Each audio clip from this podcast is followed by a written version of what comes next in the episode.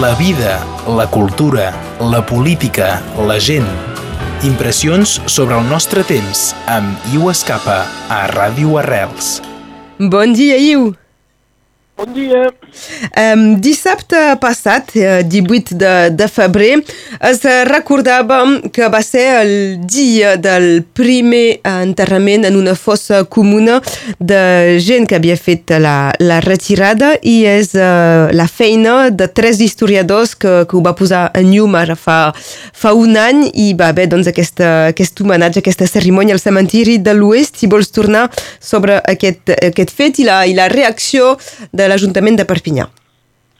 Sí, me sembla que sí, perquè aquest fet és molt interessant, eh? la, la recuperació finalment d'una memòria i la, la dignificació d'aquesta gent també, eh? perquè eren descuidats, els havien posat aquí dins d'una fossa comuna eh, sense cap signe de res, no? això que també té un significat. Eh? I aquesta fossa comuna amb 841 enterats, doncs, que és un usuari en realitat, eh? Amb una simple dala de concret, molt senzill, sense, i fins ara sense cap informació o recordatori. No? Aquesta fossa, com ho he dit, ha fet l'objecte d'un treball de recerca de tres historiadors catalans, Jordi Oliva, Martí Picass i Noemí Riudor, que han fet un, un treball complicat eh, no? per buscar eh, per, per buscar quin, quin era la gent eh, que eren enterats aquí. Ho han buscat segurament al, al, amb la llista de l'estat civil de l'Ajuntament de Perpinyà. Eh? Eh, I, I els arxius de l'hospital que... també. Exactament, i de l'hospital, perquè eren republicats que, que van morir quasi tots a l'hospital de Perpinyà. Eren, passaven pels camps de concentració i quan eren malalts eh, i els portaven a Perpinyà, o molts eh, eh, morien, no morien de, de paludisme de, de disenteria sovint. Eh, que, eh, aquí n'hi ha 841, però se, eh, se diu que n'hi ha, a Perpinyà van morir més de 1.500 persones i recordi que també eh, dins dels camps en van morir més de 15.000. Eh? Fins, eh, tot això ara són sovint enterats dins dels pobles sense cap recordatori, sovint eh, eh, existeix també, alguns us, us saben on són, però molts no. Eh? Eh, I la commemoració se fa el 18 de, de, de febrer, eh, ho he dit també perquè eh, és, era el 18 de febrer de 39 que se va enterrar la primera persona en aquell lloc, una dona, Manuel, Manuel Garcia. Donc és per això. Se va fer l'any passat amb, eh, amb el concurs de, de moltes persones que van venir de Barcelona, donc Quintora, per exemple, i un guany s'ha fet d'una manera, diria, un poc més discreta, però amb problemes. Eh? I eh, eh, donc, un petit recordatori també, eh? perquè se pas si tothom amb això eh, se recorda exactament de lo que era la retirada. La retirada és el nom que hi van posar aquí, però eh, la gent parla d'exili. Era un exili de, de moltes persones. Es calcula que hi ha quasi 500.000 persones que van passar per aquí a la fin de l'any. Va començar en desembre de l'any 38 eh? i eh, al principi el govern francès ho va prohibir. Ho va prohibir i, i va imaginar una cosa totalment absurda, una zona neutra, això se'n parla molt poc també, la, la, primera, la, la primera proposició del govern francès, eh, de l'Empordà, més o menys, de Portbou fins a l'Andorra, un refús, evidentment, total de, de Franco, eh, que això zona neutra, era la gent se, se tenien aquí i en Franco tenia d'esperar després de Figueres, abans Figueres, eh, i això era i, absurd i inútil i molt perillós. Donc, el 26 de gener cau Barcelona, el 27 el govern francès finalment obre, obre la frontera i únicament el 5 de febrer pels militars. I el 11 de febrer les tropes franquistes controlen la frontera.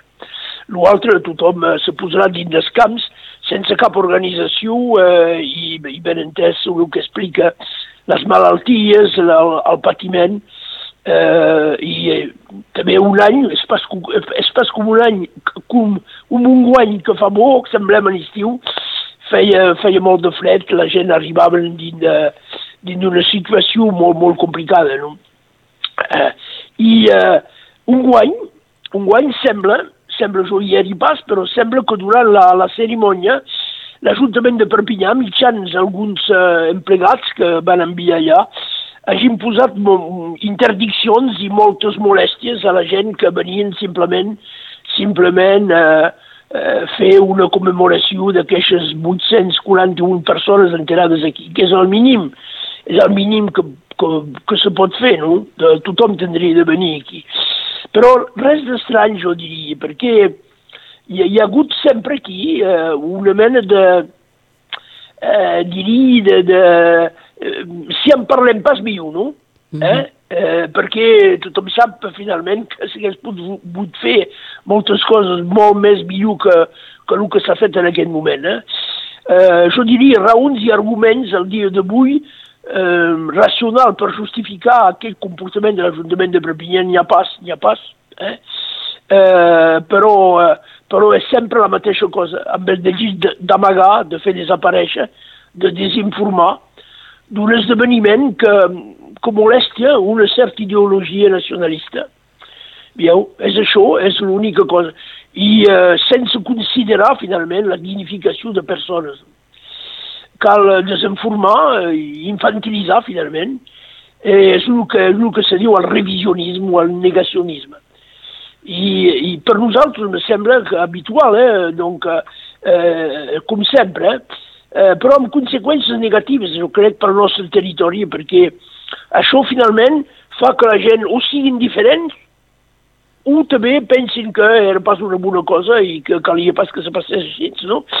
I que i finalment això eh, fa impossible per la gent d'aquí, per molta gent d'aquí, que busquen pas la, la, la realitat o la veritat, de comprendre la simple realitat de, de lo que se viu aquí o el que, eh, o, o que s'ha viscut, però el que se viu encara.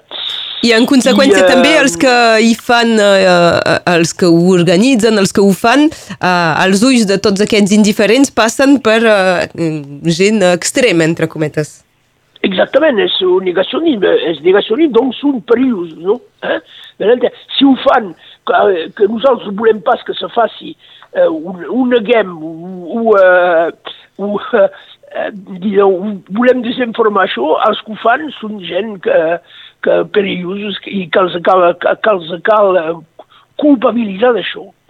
En realitat, el que, el que la gent tindria de comprendre és que, passat la retirada, el llegat de l'exili, eh, que aquí va arribar eh, a 70%, un exili eh, català, aragonès o del llevant, de, de, del llevant eh, de la península ibèrica, eh, aquell llegat per nostre territori és un llegat humà econòmic, polític, cultural, incontestable i molt, molt important. Si mirem, per exemple, els alcaldes del dia d'avui que hi ha dins dels pobles, molts són uh, nets de gent de la retirada. Són gent que, que han fet política, han, han, han, han posat uh, empreses econòmiques molt, molt importants no? dins, uh, dins del comerç, del comerç de les fruites i del, uh, i de l'hortalissa, per, per exemple, per un llegat cultural extraordinari també. Eh? Donc, I tot això és també una voluntat de negar això, eh? de, de, de, de negar aquest, eh, aquest aport cultural, eh, econòmic, polític. Eh, I, eh, I me sembla que eh, aquestes manifestacions absurdes, no? que tenen pas cap sentit, més de, més de eh, aviat farà cent anys, encara hi, em manca bé, fa, fa molt de temps ara. I tot això eh, eh, seria, seria qüestió d'en parlar d'una manera tranquil·la, de veure el que s'ha passat, de veure que aquesta gent era els defensors de la democràcia contra un dictador. I eh, hi ha un paral·lel amb eh, el que s'ha passat a Ucraïna, no? Eh, són gent que, que finalment s'aixequen contra la dictadura, contra una manera de veure el món, eh, amb un governs de dictadura que, que, que deixen pas la gent eh, expressar-se, no? És exactament el que se passa. Perquè eh, el llegat, finalment, eh, diria, històric important és que aquesta gent els caldria dignificar cada dia més perquè es va lluitar contra un dictador brutal, no? Van patir molt, van lluitar fins a la fi, sovint van pas canviar d'idea, van continuar a lluitar, amb la resistència a França i més tard amb eh, una, una lluita política. I tot això eh, els tindrien de, de dir gràcies, no? Eh, de, de qual ideologia pot ser, no? Però hi ha una mena d'ideologia, una manera de veure el món que això molesta. I hasta per anar eh, portar flors, no?, a gent que ha mort, no? És un, una, una, una cosa eh, tot, totalment uh, estrafalària. No? I, i posar una, una pancarta amb els noms de, de la gent que Exactament, sembla impossible, sembla impossible, perquè to, tothom tindria de dir, bé, molt bé, aquesta gent han mort, han mort lluitant per, per les idees, idees democràtiques, els tenim de dignificar, els tenim de fer conèixer, els tenim únicament perquè això passi pas una altra vegada, no? I clar, aquell negacionisme, aquell revisionisme que coneixem, eh, que, que, que existeix eh, dins de la gent que veuen el món eh, d'una manera dictatorial, eh, això existeix sempre, cal, cal fer una història que vagi bé amb això. I la realitat de la història sempre és el contrari, perquè sempre hi ha resistències, sempre hi ha gent que, que, que lluiten per la, per la llibertat, per la democràcia, per la dignitat de tothom. I sobre aquesta gent que són enterrats allà, tots van lluitar per això. Són enterrats, doncs, al, al, en part, al cementiri de, de l'oest de Perpinyà, on hi havia aquesta cerimònia, aquest homenatge dissabte passat. D'això en parlàvem avui amb Liu Escapa. Moltes gràcies, Iu. De res. Fins ara. Adéu. Adéu. La vida, la cultura, la política, la gent. Impressions sobre el nostre temps amb Iu Escapa a Ràdio Arrels.